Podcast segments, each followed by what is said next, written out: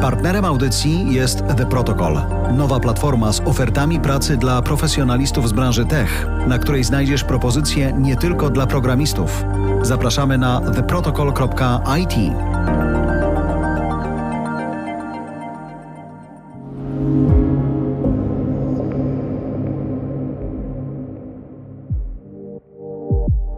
Podcast Technologicznie to miejsce, gdzie biznes spotyka się z technologią, a komunikacja z emocją. Bardzo dziękujemy, że jesteś tu z nami. Nazywam się Jarosław Kuźniar i prowadzę podcast Technologicznie z Bartkiem Puckiem, autorem jednego z najpopularniejszych newsletterów z pogranicza biznesu i technologii. Szykujemy w Voice House specjalne klubowe rozszerzenie. Voice House Club dla tych z Was, którzy cenią pogłębione treści audio i spotkania offline w niewielkim gronie. Tak, to będzie model subskrypcyjny. Jestem ciekaw Waszej opinii, ale niezależnie od tych nowości rozmawiamy w tym odcinku o najnowszych raportach o subskrypcji na świecie i w Polsce. Kto, ile i za co płaci? Jak się to zmienia? Jakie widzimy trendy?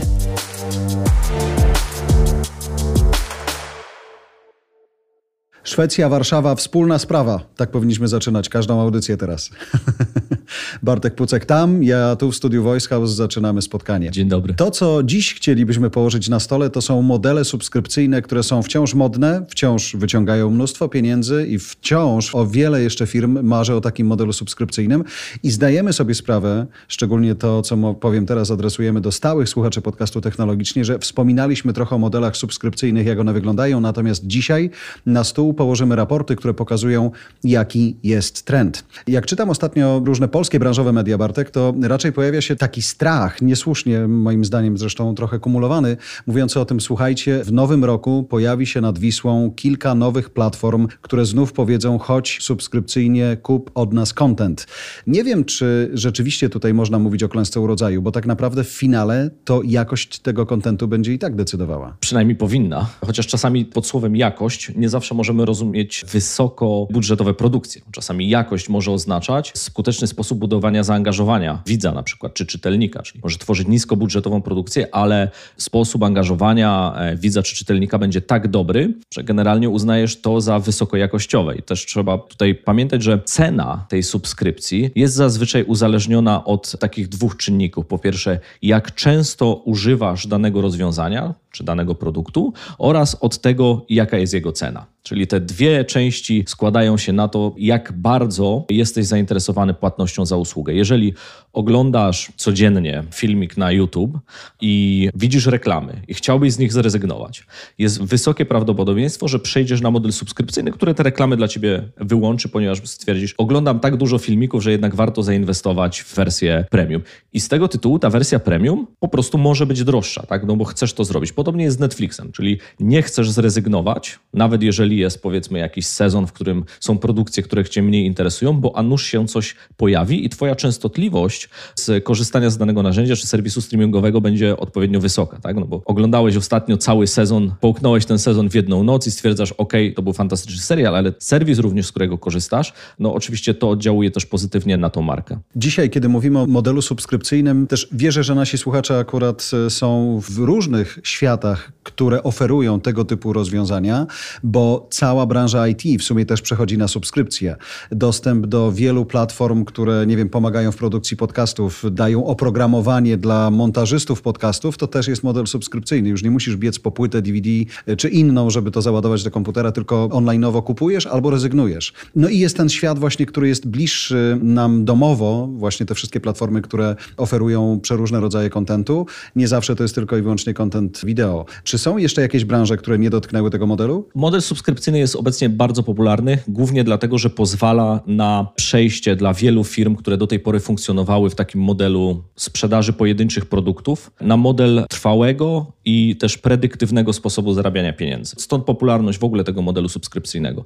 Jesteś w stanie zaoferować daną usługę taniej w ujęciu miesiąca, Natomiast tak zwany lifetime value, czyli czas, w którym użytkownik pozostanie aktywnym subskrybentem Twojej usługi, po prostu się wydłuży. Czyli nie musisz kupować danego produktu w modelu tak zwanym pudełkowym, czy tak jak wcześniej w licencyjnym, w szczególności w modelach B2B, tylko płacisz za subskrypcję. I to jest z punktu widzenia konsumenta wygodniejsze, z punktu widzenia firm również lepsze, dlatego że ten lifetime value użytkownika będzie bardzo często dłuższy, ale też trzeba pamiętać, że z punktu widzenia użytkownika dużo łatwiej zrezygnować też z danej usługi, czyli nie jestem uwiązany na przykład trwałą 12-miesięczną umową, tylko płacę na przykład miesięczną subskrypcję albo czasami roczną subskrypcję, jeżeli szczególnie uważam, że dany produkt jest wart tej inwestycji, szczególnie, że roczna subskrypcja zazwyczaj jest nieco tańsza niż subskrypcja koszt miesiąca razy 12. Więc z punktu widzenia i konsumenta, i firm to jest dobre rozwiązanie. To nie jest tak, że ten model subskrypcyjny zostanie z nami na zawsze generalnie, ale na pewno jest to coś, co teraz jest popularne, dlatego że jest łatwiej dostępne i narzędzia, które mamy, czy mówimy o in-app purchase w aplikacjach, czy łatwości płatności za te subskrypcje za pomocą kart czy przysłowiowych blików, jest to po prostu dużo łatwiejsze. Pokazujesz w swoim ostatnim newsletterze, też można go mieć za subskrypcję swoją drogą, że raport, który dotyczy tego, jak ten świat dziś wygląda, kończy się stwierdzeniem, konsumenci są skłonni zaakceptować wyższą cenę w zamian za wysoką częstotliwość użytkowania. Czyli rozumiem, że jeżeli my widzimy dużą wartość w kontencie, to jedno, jeżeli czujemy, że on jest nam bardzo potrzebny w pracy i tak jak wspomniałeś o YouTubie, codziennie coś zrobię, to jeżeli ja czuję, że będę to robił regularnie, to ja mówię, dobra, za każde pieniądze, w cudzysłowie oczywiście, biorę to od ciebie, drogi sprzedawco. Tak, i tu mamy do czynienia z fantastycznym zjawiskiem, bo ty jako konsument czuje, że chce wydać pieniądze na daną subskrypcję, jest ona jego warta. Czyli ja z jednej strony mogę subskrybować serwis streamingowy, a z drugiej strony mogę też w modelu subskrypcyjnym płacić za bardzo wartościowe treści, bardzo duże pieniądze, ale wiem, że wartość z mojego używania, i to nie jest na tyle istotne, czy ta wartość jest codziennie, czy jest raz na tydzień, czy czasami raz na miesiąc, tak? ale wartość z każdego momentu, kiedy ja używam danego produktu, jest dla mnie na tyle wysoka, że jestem w stanie zapłacić więcej. Nie ma znaczenia, ja jako na przykład przygotowywacz treści często się pojawiam u kogoś w domu, ale jak często on z tej treści wyprodukowanej nawet raz na miesiąc będzie korzystał. Gdybym ja na przykład uruchomił swój newsletter codzienny, to sporo osób z niego by zrezygnowało, ponieważ byłoby przeładowanych treściami. To nie byłby problem samej jakości, tylko spadku wartości z tej interakcji, ponieważ lądowałbym w Twojej skrzynce pocztowej nie raz na tydzień, albo czasami częściej, ale bym lądował codziennie. Ty przestałbyś mieć tyle czasu, żeby usiąść do tego newslettera, przetrawić te informacje, przetrawić te przykłady i tą wiedzę, która tam jest w środku i stwierdziłbyś, ok, ja nie mam na to czasu, więc rezygnuję. Z ciężkim sercem, ale rezygnuję. A zupełnie inaczej jest, kiedy to jest w modelu na przykład tygodniowym. Niektóre newslettery czy podcasty płatne ukazują się co miesiąc, inne na przykład ukazują się raz na kwartał. I tak też może być, ale wtedy dostaniesz na przykład 4 czy 5 godzinny odcinek i wiesz, że na niego czekałeś i wartość ze spędzonego czasu będzie widoczna. Albo serię na przykład, tak? Wyobrażam sobie, że potrzebujemy, to pismo w Polsce to robi na przykład, że potrzebujemy czasu na przygotowanie pewnej serii, ona pojawi się u ciebie raz na pół roku, ale wtedy ty masz pół roku na to, żeby spokojnie skonsumować tę treść, którą dla ciebie przygotowaliśmy. Potrzebujemy na tą jakość konkretnej gotówki ona jest wyższą gotówką niż cotygodniowy podcast, który mamy dla ciebie, więc płacisz więcej. I wiesz, że wartość z procesu czekania będzie widoczna w produkcie, czyli to nie będzie coś, co będzie zrobione na kolanie, więc jesteś w stanie poświęcić ten czas, gdzie wiesz, że czekasz na dany produkt, ale wiesz, że będzie warto. No i tu oczywiście piłeczka jest odbita w stronę twórcy kontentu, czy takiej oferty, czy danego produktu, czy sprosta tym wymaganiom. I tutaj najwięcej firm, szczególnie w branży mediowej, się potyka, dlatego że uważa, że ta częstotliwość interakcji to jest tak naprawdę ilość interakcji, a nie ich jakość. Czyli wprowadzimy na przykład serwis czy ofertę subskrypcyjną i oprzemy ją na dzisiejszym produkcie. Po prostu zamkniemy to za tak zwanym paywallem i od dzisiaj będzie dostępny w modelu subskrypcyjnym to, co do tej pory oferowaliśmy w modelu darmowym. I to niestety tak nie działa. To jest jeden z najczęstszych błędów popełnianych, szczególnie chyba firmy mediowe, w którym okazuje się, że jednak tu nie chodziło wcale o częstotliwość interakcji w rozumieniu ich ilości, tylko problem pojawia się w zwrocie z inwestycji, czyli tej percepcji użytkownika danego produktu, czy to jest serwis streamingowy, audio, wideo, czy to jest serwis contentowy, czy to jest newsletter, czy to jest podcast, czy cokolwiek innego. I jaka jest moja dodatkowa wartość z tej inwestycji jako konsumenta? A ponieważ większość firm, trzeba to przyznać, nie ma wewnętrznie procesów, które pozwalają na budowanie produktów w oparciu o odkrywanie potrzeb klientów, raczej to są procesy, które wspierają a teraz zróbmy 1, 2, 3, 4, 5, być może klienci to polubią,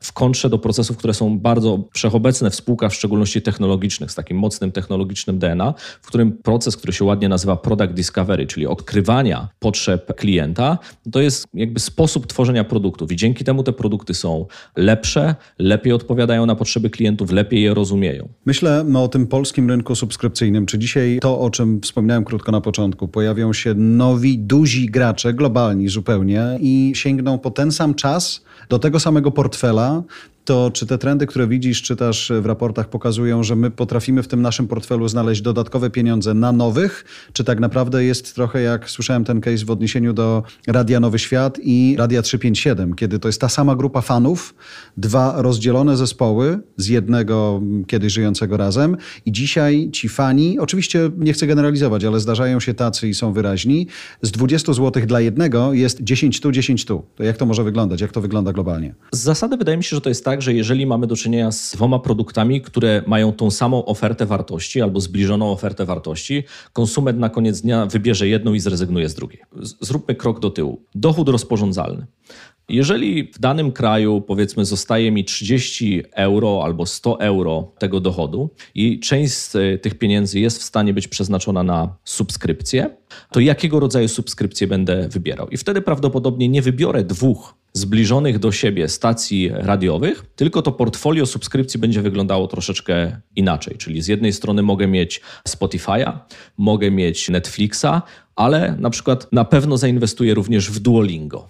Czyli w naukę języków obcych. Czasami niektóre usługi są wymienne, bo mogę stwierdzić, to ja w takim razie nie będę wydawał kilkuset złotych na korepetycję z lektorem, ja nie oceniam tego, czy to jest dobra decyzja, czy źle, tylko mówimy z perspektywy percepcji klienta.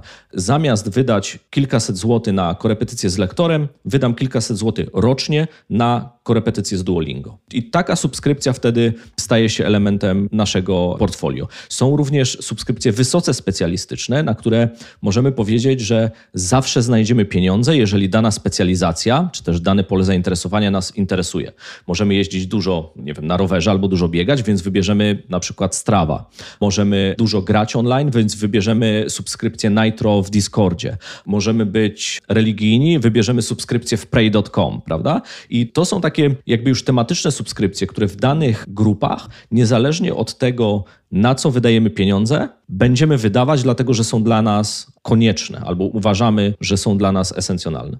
Patrzę sobie na raport, który opublikowała ostatnia fundacja Digital Poland i w tym raporcie jest danych mnóstwo, natomiast jedna z nich dotycząca tego, jaka jest znajomość usług subskrypcji, ta spontaniczna, to okazuje się, że kobiety są tutaj zdecydowanie bardziej zaangażowane, a przynajmniej ogarnięte, jeśli chodzi o to, jakie modele, co można subskrybować, niż faceci. Może nie jest to jakaś duża różnica, ale, ale w odniesieniu chociażby do streamingu filmów VOD, czyli Netflixa, Playera, HBO Go, Ipli, CDA, Apple, Amazona, no to jest jest 53 do 48 dla kobiet. Jeśli chodzi o usługi telekomunikacyjne dla domu, też 22 do 18 na korzyść kobiet. Jeśli chodzi o Spotify, Tidale, YouTube Premium czy Empiki, no to 15 do 14 kobiety rządzą. Oczywiście te grupy demograficzne, je później też dobrze widać w poszczególnych produktach, tak? No bo jeżeli weźmiesz Disney Plus jako model subskrypcyjny, tak? Czyli tam jest dostęp bez reklam, cena w okolicy 8 dolarów miesięcznie, to grupa docelowa Disney Plus będzie grupą na przykład bardziej, nazwijmy to sobie familijną. To jest bardziej subskrypcja rodzinna, w ten sposób byśmy nazwali.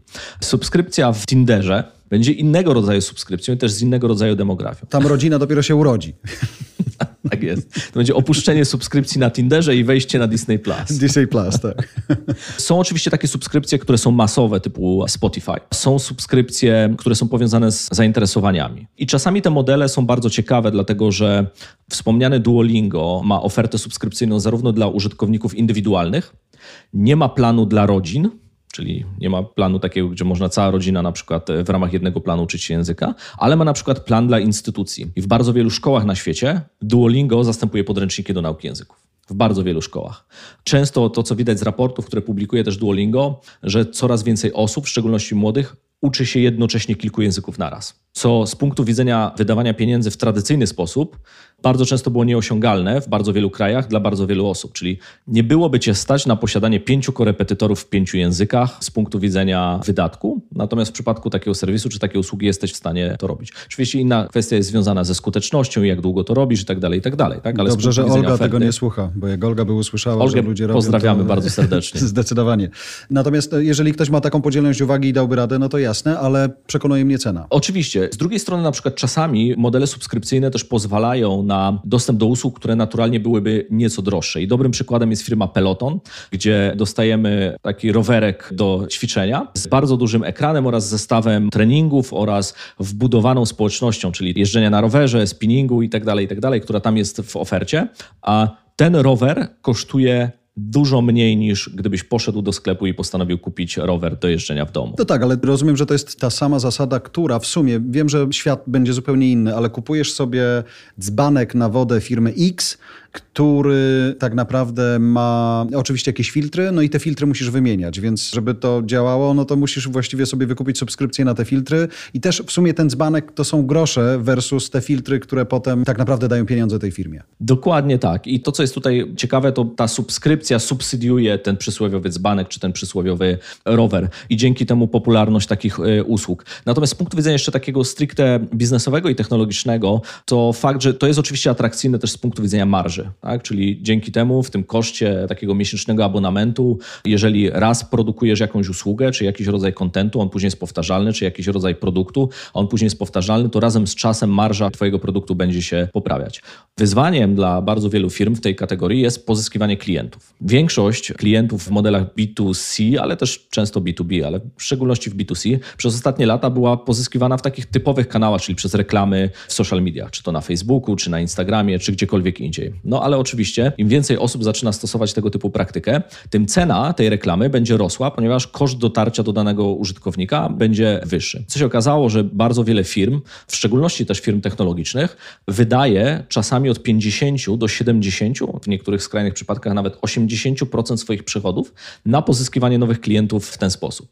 I to oznacza, że pozostała część biznesu musi być bardzo, użyjmy określenia, przystrzyżona, a środki reinwestuje się w pozyskiwanie nowych klientów. I bardzo często, w szczególności w firmach, które są finansowane funduszami venture capital, zadaniem takiej firmy jest zdobyć jak najwięcej klientów w jak najkrótszym czasie, czyli maksymalnie szybko zeskalować swoją firmę, czyli zdobyć jak najwięcej rynku i dopiero później przełożyć tą, w momencie kiedy pozyskaliśmy wielu klientów, przełożyć tą przysłowiową wajchę na tory związane z poprawą marżowości danego produktu. To się ładnie nazywa tak zwany land grab, czyli jak najszybciej zdobyć jak najwięcej rynku po to, żeby wygrać jak najszybciej tą wojnę o klienta. No i dzisiaj oczywiście z punktu widzenia tych zmian, które się też dzieją na rynku reklamowym oraz klientów, gdzie jeżeli klient ma możliwość decyzji o tym, czy udostępni swoje dane firmom trzecim w celach reklamowych, to w zależności od kraju, ale około 90 do 97% klientów odmawia podzielenia się tymi danymi, co sprawia, że do tych klientów jest coraz trudniej dotrzeć, ponieważ nie ma takich możliwości personalizacyjnych jak jeszcze kilka lat temu, co też wymusza na tych firmach zmianę sposobu pozyskiwania dzisiaj klientów i mamy do czynienia z projektowaniem innych doświadczeń, bardziej tworzeniem nowych programów lojalnościowych, tworzeniem programów tak zwanych referalowych, czyli ja wyślę tobie linka, jeżeli ty się zarejestrujesz, to ja otrzymam na przykład kwartał jakiejś usługi za darmo. Ale to samo w bankach, no też na przykład ostatnio się z tym spotkałem, nie? Poleć nas komuś, mimo że znamy się już trochę z tym bankiem, to zachowują się trochę jakbym był nowicjuszem, a może uznają, że skoro ja przez tyle lat jestem z nimi, to znaczy, że na pewno ich polecę komuś, ale tak, rzeczywiście to w ten sposób działa. Myśląc o Voice House i o jego rozwoju, szukając też dobrego sposobu na to, żebyśmy w którymś momencie byli subskrypcyjni, chciałbym, żeby to było jeszcze w tym roku. Rozmawiając z różnymi ludźmi, czytając różne raporty, widzę i słyszę, że jednym z najlepszych narzędzi do zachęcenia, do skonwertowania użytkowników na subskrybentów jest newsletter. Masz podobne doświadczenia? Jeżeli patrzyłbym na to przez pryzmat swój, to odpowiedź by brzmiała tak, czyli prowadzę newsletter, który jest newsletterem płatnym, jednym z kilku w Polsce, ale na pewno jednym z dwóch, trzech, które w rozumieniu biznesowym osiągnęły też skalę, ale czy newsletter jest uniwersalną formą pozyskiwania klientów? Moim zdaniem odpowiedź brzmi nie. Bo najpierw właściwie trzeba zidentyfikować ten problem, a dopiero później dobrać do niego kanał dystrybucji. Dla niektórych podmiotów to będzie podcast, dla innych podmiotów to będzie newsletter, dla jeszcze innych to może być coś innego. I wydaje mi się, że kluczowym elementem jest najpierw zrozumienie tej potrzeby, czyli do kogo adresujemy ten produkt, jaką wartość chcemy przekazać, a dopiero później zaproponowanie kanału. Podobną popularnością cieszy się dzisiaj jakby ten trend związany z budowaniem swoich społeczności. Każdy chciałby dzisiaj zbudować swoją społeczność, ale czy każdy powinien zbudować swoją społeczność? Niekoniecznie, dlatego że z punktu widzenia klienta nie jesteś w stanie uczestniczyć na przykład w pięciu albo dziesięciu albo piętnastu społecznościach naraz. To jest niemożliwe.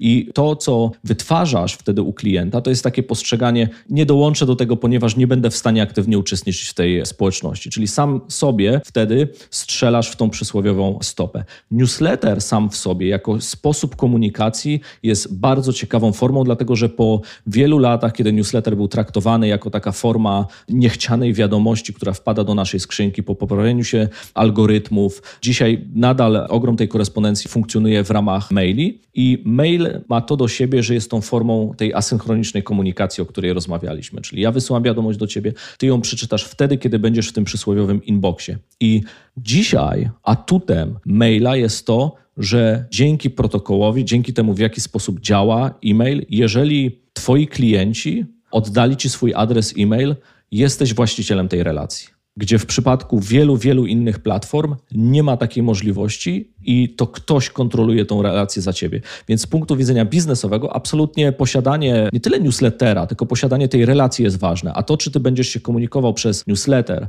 czy będzie to codziennie, czy co tydzień, czy co miesiąc i tak dalej, i tak dalej, to już zależy od tego, czym jest twój produkt, jaką obietnicę, jaki ten problem rozwiązujesz dla klienta. Czy mogę równie dobrze siedzieć i po prostu w mailu wysyłać linki do najciekawszych podcastów, niekoniecznie nazywać to newsletterem po prostu i będzie spełniało swoją rolę? Mój ulubiony przykład jest taki amerykański trener fitness, który ma swój newsletter, w którym nie ma ani jednej grafiki. W sensie jest po prostu napisane tak, jakbyś teraz otworzył skrzynkę swoją pocztową i wysłał maila do drugiej osoby. On w taki sposób wysyła te maile, natomiast problem, jaki on rozwiązuje dla swoich czytelników i klientów i sposób, w jaki on go rozwiązuje, i język, jakim się posługuje, i historie, które opowiada, sprawia, że jego przychody miesięczne są sześciocyfrowe w dolarach. I robi to tylko i wyłącznie za pomocą maila. To jest możliwe, tak? Oczywiście w Polsce jest to dużo trudniejsze niż w krajach anglojęzycznych, ponieważ osoby, które mogą być zainteresowane płatnym produktem, na przykład subskrypcyjnym w rozumieniu newslettera, w Polsce jest niewiele albo dużo mniej niż na rynkach anglojęzycznych. Okej, okay, to to jest ważny moment i ważny wątek, który poruszyłeś i myślę, że znamy się już trochę z naszymi słuchaczami, więc ja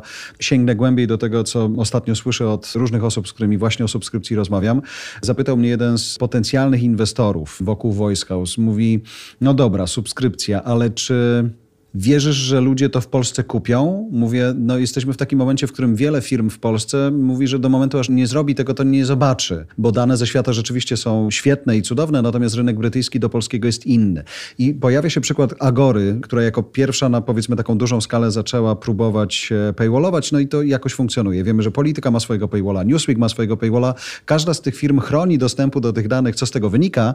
Natomiast on mówi do mnie a propos Agory, nie wiem, czy powinieneś używać tego argumentu i pokazywać że im się udaje, bo słyszę ich liczby, bo z mojej perspektywy, a trochę na różnych sesjach inwestycyjnych słyszymy o tych modelach subskrypcyjnych, ludzie tam płacą za taki antypis. To jest jedyny wątek polityczny, który użyjemy w podcaście technologicznie. Pomyślałem sobie, że rzeczywiście być może tak jest, ale za cholerę nikt nie ma takich danych. To jest tylko przeświadczenie, że gdyby była inna narracja w Gazecie Wyborczej, to być może ludzie dalej za jednak wartość treści by płacili, niekoniecznie za emocje wokół tych słów, które są używane w tekstach. Wiesz co, też trzeba pamiętać, że problem za rozwiązanie, którego ktoś płaci Gazecie Wyborczej czy jakiemukolwiek innemu medium, nie będzie tym samym problemem, za który ktoś zapłaci za subskrypcję na przykład Michała Szafrańskiego. To jest zupełnie inny problem, który jest rozwiązywany. Dzięki temu, czy też przez to, cena tego produktu może być zupełnie inna, sposób komunikacji może być inny, kanały mogą być inne, ten produkt będzie wyglądał zupełnie inaczej. I większość tych niezależnych, nazwijmy to mniejszych, ale to większość podmiotów, które stworzyła te modele subskrypcyjne, zaczynała od jakiejś niszy. I czasami okazywało się, że ta nisza jest w zasadzie masowym rynkiem razem ze wzrostem popularności. Część takich osób zostaje w swojej niszy. Ja Mam ochotę zostać w swojej niszy.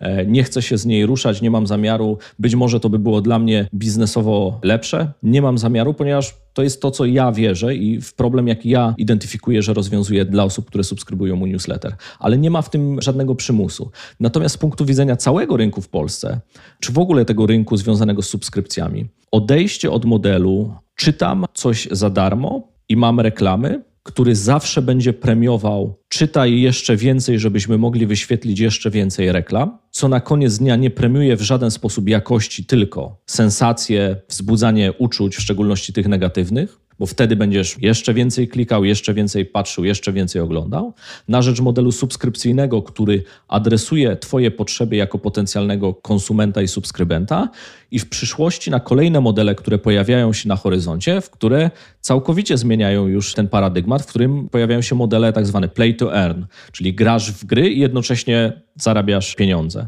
I takie modele będą wprowadzane też w innych działkach, nie tylko w grach, w innych segmentach. Takie modele zaczną się pojawiać również w mediach, czyli czytasz, i zarabiasz. Mogą się pojawić w modelach też B2B, czyli kontrybuujesz do danego projektu, zarabiasz i tak dalej, i tak dalej. Mam kartkę przed sobą, na której wcześniej narysowałem sobie to, jak wyobrażam sobie nasze wideo, materiały, ale postarałem się ją nie zniszczyć do końca.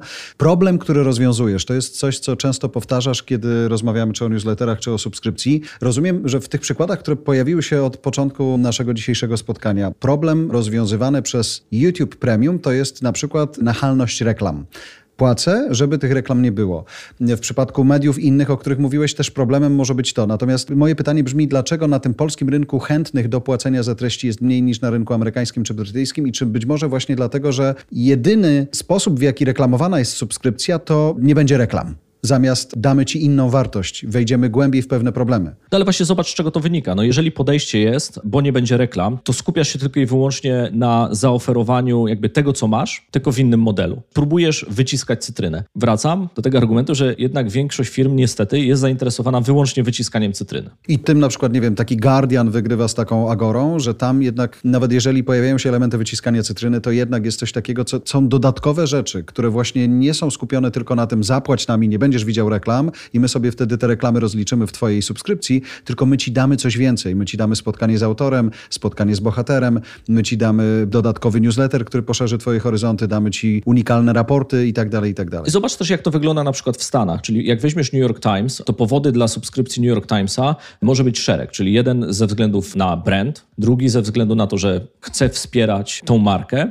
Kolejny powód mogą być krzyżówki, bardzo popularna rzecz, bardzo istotna. Jest bardzo wiele osób, które subskrybuje New York Timesa dla krzyżówek, więc tych powodów może być szereg. Ale teraz to, co jest najważniejsze, to jest to, że jeśli masz je zidentyfikowane, bo to, czego większość tych marek nie robi, to po prostu nie próbuje ci wepchnąć na siłę swojego produktu.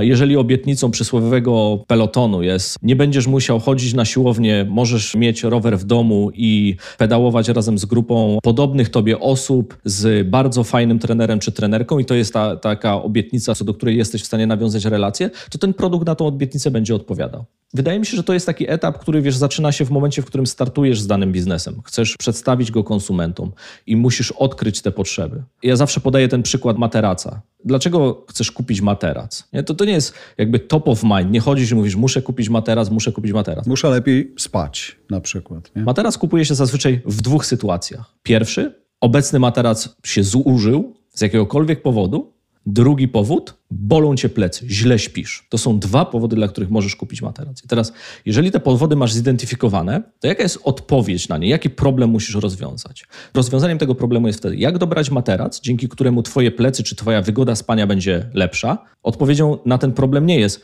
a teraz ci sprzedam materac, to tak nie działa. I z drugiej strony, jeżeli twój materac na przykład dzisiaj się zepsuł i chcesz kupić nowy, być może odpowiedzią na ten problem jest ten nowy, który kupisz, a będzie miał dożywotnią gwarancję, prawda? To też może być odpowiedź na ten problem, ale praca nad tym zaczyna się kilka etapów wcześniej. I to jest jakby niezależne od tego, w jakim modelu biznesowym funkcjonujesz, czy w subskrypcjach, czy sprzedajesz jakikolwiek inny produkt, w jakimkolwiek modelu.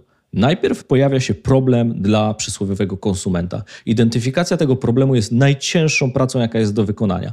Większość osób myśli, że to jest aspekt związany z technologią, ale technologia jest tylko i wyłącznie elementem wspierającym. I nieważne, czy to jest newsletter, podcast, strona w internecie, profil w social mediach. To jest technologia, która wspiera rozwiązanie jakiegoś problemu. I nikt nie lubi, jak mu się rzeczy wpycha. Z drugiej strony, najskuteczniejszą metodą marketingową zawsze jest referencja od drugiej osoby. Jeżeli ja tobie polecę jakiś produkt, czy to będzie podcast, czy to będzie, nie wiem, lampka, czy cokolwiek innego, to szansa na to, że z mojej rekomendacji kupisz ten produkt, zawsze będzie większa niż ta, że kupisz go z reklamy. I to, co jest ciekawego dzisiaj w tych rozwiązaniach, które się pojawiają, w tym w newsletterach, ale też w rozwiązaniach subskrypcyjnych, to są też właśnie te modele rekomendacyjne. Subskrybujesz, ale jeżeli uznasz, że warto i polecisz to drugiej osobie, czujesz, że warto było to zrobić, że ta rekomendacja przyszła naturalnie, a ta druga osoba czuje, że nie ktoś próbuje im coś wcisnąć, tylko zachęca i zaprasza do wspólnej przygody. Jeżeli chodzi na przykład o moich subskrybentów newslettera, 100% to są ludzie, którzy są z polecenia innych osób. To jest 100% użytkowników. I dla mnie to ma największą wartość. To znaczy, że ten problem, który ja próbuję eksplorować, albo obietnicę, na którą ja próbuję odpowiedzieć, czyli będziesz miał więcej dobrej wiedzy w całym tym hałasie na styku biznesu i technologii, to to jest problem, który ja próbuję rozwiązywać dla moich czytelników. Ale ja im nie próbuję wepchnąć swojej subskrypcji na siłę. Rozumiem. Natomiast patrząc właśnie a propos Twojego newslettera na ten raport, który ostatnio pokazywałeś, mówiący o wycenie firm, które bazują dzisiaj na subskrypcji. New York Times, ten przykład, który podałeś jest idealny, bo oni są, o ile dobrze kojarzę, na giełdzie. I ten moment, w którym widać, że na przykład nie ma takiego wzrostu liczby subskrybentów, jakiego by sobie inwestorzy życzyli, nagle sprawia, że oni dołują. Czyli oni wcale nie są w gorszej sytuacji, tylko nie tak dużej, jakby sobie tego inwestor oczekiwał. I to jest coś, co wpływa na ich wycenę w sumie koniec końców. W ogóle najtrudniejsze zadanie w biznesie subskrypcyjnym, pierwsze to jest pozyskanie klientów, drugie to jest utrzymanie klientów. Dwa najważniejsze zadania. Pozyskanie klienta jest dzisiaj coraz kosztowniejsze, ze względu na to, że każda nowa subskrypcja to jest dodatek do już istniejącej subskrypcji oraz to jest dalej ta walka o atencję. Z drugiej strony, utrzymanie klienta to jest budowanie takiego produktu, który jest w stanie zaangażować tego klienta wzdłuż osi czasu. Czyli możemy być zainteresowani w momencie, kiedy podjęliśmy decyzję o tej subskrypcji, kiedy dostaliśmy pierwszy raz produkt, albo korzystamy z niego pierwszy raz, drugi raz i tak dalej, ale być może nie skorzystaliśmy z niego, nie wiem, pięć razy z rzędu i nagle się okazuje, że jednak chcemy z niego zrezygnować. I ten tak zwany lifetime value, albo to się ładnie też nazywa churn, czyli klienci, którzy odchodzą i rezygnują z subskrypcji, jest jednym z najpoważniejszych wyzwań od strony budowania produktu. Dlaczego i w jaki sposób zaprojektować taki produkt, który byłby w stanie zatrzymać naszych klientów? Wiele firm się skupia na tym początkowym etapie, czyli pozyskaliśmy klienta, ale nie patrzy na ten etap, o, ten klient odejdzie od nas za 3 miesiące albo za 6 miesięcy. Problem pojawia się tutaj, że to jest takie zamknięte koło, dlatego że odzyskanie, czyli ponowne pozyskanie utraconego klienta jest znowu wydatkiem, czyli znowu jest kosztem. I jeżeli nie pilnujemy jakby tej wartości początkowej i wartości kosztowej, to wracamy do punktu wyjścia. I ten punkt wyjścia, czyli pozyskanie nowego klienta, jest coraz droższy i coraz droższy i coraz droższy. Powiedz, czy masz jakieś doświadczenia, i nawet nie pytam tylko o Twoje, ale czy w ogóle widać to w jakichś raportach tych firm, które bazują na subskrypcji, dzielą się tą wiedzą, co sprawia, że ten churn w przypadku jest duży? Co sprawia, że to lifetime value jest krótsze? Dlaczego ludzie odchodzą? Najkrótsza odpowiedź brzmiałaby ze względu na to, czy ten problem do rozwiązania dalej jest, czy on zniknął, czyli czy jest ciągle realizowany. Natomiast drugi aspekt na pewno jest związany z tak zwanym user experience, czyli razem z korzystaniem z produktu rośniesz z tym produktem. On się zmienia, są dodawane nowe funkcjonalności, pojawiają się nowe opcje. Być może są to zmiany, które przestają realizować to, co chciałeś, żeby ta aplikacja realizowała. Bo możesz korzystać na przykład z aplikacji do medytacji, która działa w modelu subskrypcyjnym, ale ktoś postanowił dodać jeszcze diety na przykład do tej aplikacji. Mówisz, kurczę, no ja nie potrzebowałem tej aplikacji do diet, ja potrzebowałem tej aplikacji do medytacji. Mówię, dobrze, to w takim razie zrezygnuję z niej, znajdę inną aplikację, która służy tylko i wyłącznie do rozwiązania tego problemu, który do tej pory miałem. Oczywiście kolejnym elementem mogą być podwyżki cen. Czyli korzystałeś z danego rozwiązania, nie wiem, przez 6, 12 czy 24 miesiące i nagle dochodzi do podwyżki ceny. No i klient zawsze może powiedzieć, nie chcę płacić za to drożej ze względu na, i tutaj można sobie szereg odpowiedzi w zależności od rynku i struktury demograficznej, jakie mogą paść. Czasami to są produkty, gdzie ten lifetime value kończy się naturalnie. No, Tinder może być tego typu przykładem. Ale to też może być tylko chwilowe, hello. Może, o, absolutnie. E, można też z jakiegoś rodzaju aplikacji wyrosnąć, prawda? Albo zmienia się jakiś trend na rynku i do tej pory, nie wiem, używałem Minecrafta, czy grałem w Minecrafta, ale teraz jednak gram w Robloxa i to jest jakaś zmiana, która może się zadziać. Więc to są takie naturalne też trendy, które się tutaj dzieją, ale budowanie fajnego i to się ładnie nazywa user experience, czyli tych doświadczeń użytkownika wokół produktów, to jest z jednej strony ciężkie, w sensie trudne, bo trzeba zidentyfikować te problemy, z drugiej strony ja osobiście uważam, że to jest jedna z najbardziej fascynujących rzeczy w tworzeniu biznesu. To, że jesteś blisko tego klienta, próbujesz zidentyfikować te potrzeby. Wyzwania najczęściej, które się dzieją później, to są te wyzwania, które są wewnątrz organizacyjnie, czyli w jaki sposób to zbudować, jak wyglądają procesy wewnątrz firmy, w jaki sposób później tą wartość przekazać do klienta. Ale to już jest wyzwanie jakby wewnętrzne, biznesowe, które ty możesz mieć jako twórca, ja mogę mieć jako twórca, firma może mieć jako organizacja, która dostarcza jakiś produkt. Na koniec wydaje mi się, że uczciwie byłoby powiedzieć naszym słuchaczom, na ile dzisiaj to, że firm, produktów, usług chce być jak najbardziej subskrybowana, pojawia się takie zagrożenie, jakie było przy okazji Zooma, czyli overzoomed, to jest oversubscribe, whatever, co sobie tam wymyślimy. Jest piękna nazwa na to. No. Subscription overload to na ile ten problem jest już zauważalny i poważny? Zdecydowanie zauważalny. I on jest w ogóle ciekawy, dlatego że on jest zauważalny zarówno w kategoriach, czyli mówimy tutaj o kategoriach typu wideo, czyli streaming wideo. Do ilu maksymalnie serwisów streamingowych wideo jesteś w stanie maksymalnie subskrybować? Tego, że nie będziesz subskrybował 10 serwisów wideo. Różne są badania, ale większość z nich pokazuje, że prawdopodobnie 3, maksymalnie 4, jeżeli twój dochód rozporządzalny jest wyższy, jesteś w stanie płacić jednocześnie. I oczywiście później mogą być inne kategorie. Czy będziesz płacił za trzy aplikacje do streamingu audio? Już odpowiedź brzmi prawdopodobnie niekoniecznie, tak? Ale z drugiej strony, czy możesz zapłacić za kilka aplikacji specjalistycznych? Pewnie tak. I dzisiaj ten subscription overload, on się bierze z kilku aspektów. Po pierwsze, z tego stricte finansowego, czyli jak wiele subskrypcji mamy, i jak wiele wydajemy na subskrypcje, jak bardzo są one kosztowne w stosunku do wartości, które dostarczają. I drugi aspekt to jest, ile mamy czasu na to, żeby na to poświęcić. Dlatego, że nawet jeżeli czujesz, że jakiś produkt rozwiązuje ten problem dla ciebie, ale nie masz czasu na to, żeby usiąść do tego rozwiązania, to naturalnie będziesz również z tego rezygnował i mówisz, nie mogę przyjąć więcej tych subskrypcji. I oczywiście z czasem to jakby działa na nieco na, nie, na niekorzyść części graczy w tym modelu, czyli tych, których subskrybujesz, będziesz subskrybował dłużej. Ci nowi, którzy przyjdą, będzie im trudniej przekonać ciebie do zmiany twoich nawyków, ale też jeśli już raz zrezygnujesz z jakiejś usługi, szanse na to, że wrócisz, będą coraz mniejsze, dlatego że koszt pozyskania Twojej atencji rośnie z czasem.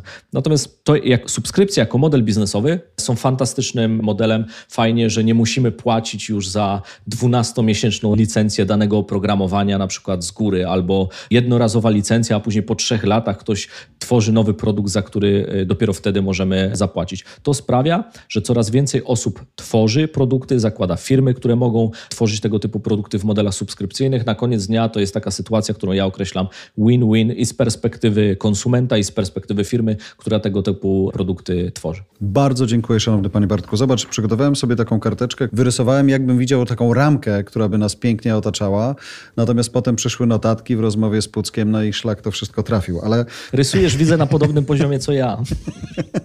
I dlatego tak dobrze się uzupełniamy. Natomiast y, ten moment, w którym nie, nie ustalaliśmy tego, czy mamy ratować czern, czy mamy dawać wam trochę inny user experience w kontekście audycji technologicznej. Czy wolicie ją obejrzeć, czy wolicie jej posłuchać? Jakie są momenty, w których jej oglądacie, a jakie są momenty, w których jej słuchacie? Czy tak naprawdę wideo, które włączyliśmy, trochę odarło was z nadziei, że to jest banda utalentowanych młodych chłopaków, czy widzicie nagle dojrzałych starszaków, którzy co oni tam mogą powiedzieć? Ja tych odpowiedzi jestem ciekaw, gdybyście mogli je nam zostawić, to się serdecznie polecamy. Natomiast jedna rzecz jeszcze na koniec zauważyłem w tym raporcie polskim o subskrypcji, że jest Spotify oczywiście, potem jest YouTube Premium, potem jest Tidal, Potem jeszcze coś i dopiero chyba dopiero jest Apple Podcast. Także tak to wygląda w tym zestawieniu. Musimy iść na Tidala, nie mylić z Tinderem, Bartek. Zdecydowanie. Dziękuję za Twoją uwagę. Oceń tę naszą rozmowę. Twoja opinia, zostawiona na Apple Podcast, pozwala usłyszeć tę audycję większej grupie ludzi. Daj nam pięć gwiazdek i zostaw swoją opinię. To pomaga nam się rozwijać. To dzięki Tobie jesteśmy na podium w kategorii technologia. Będziemy cytować Wasze opinie. Podziel się także tą audycją lub całą serią ze znajomymi. Podeślij im link do audycji i namów na subskrypcję na Spotify lub Apple Podcast. Zasubskrybuj także inne podcasty od Voice House. Znajdziesz je na każdej platformie podcastowej i w każdym kanale social mediowym. Zapraszam też na stronę Voice House po więcej dobrej treści.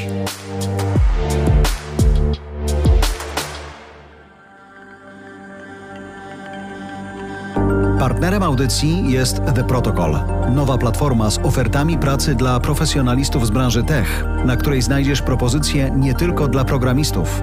Zapraszamy na theprotocol.it.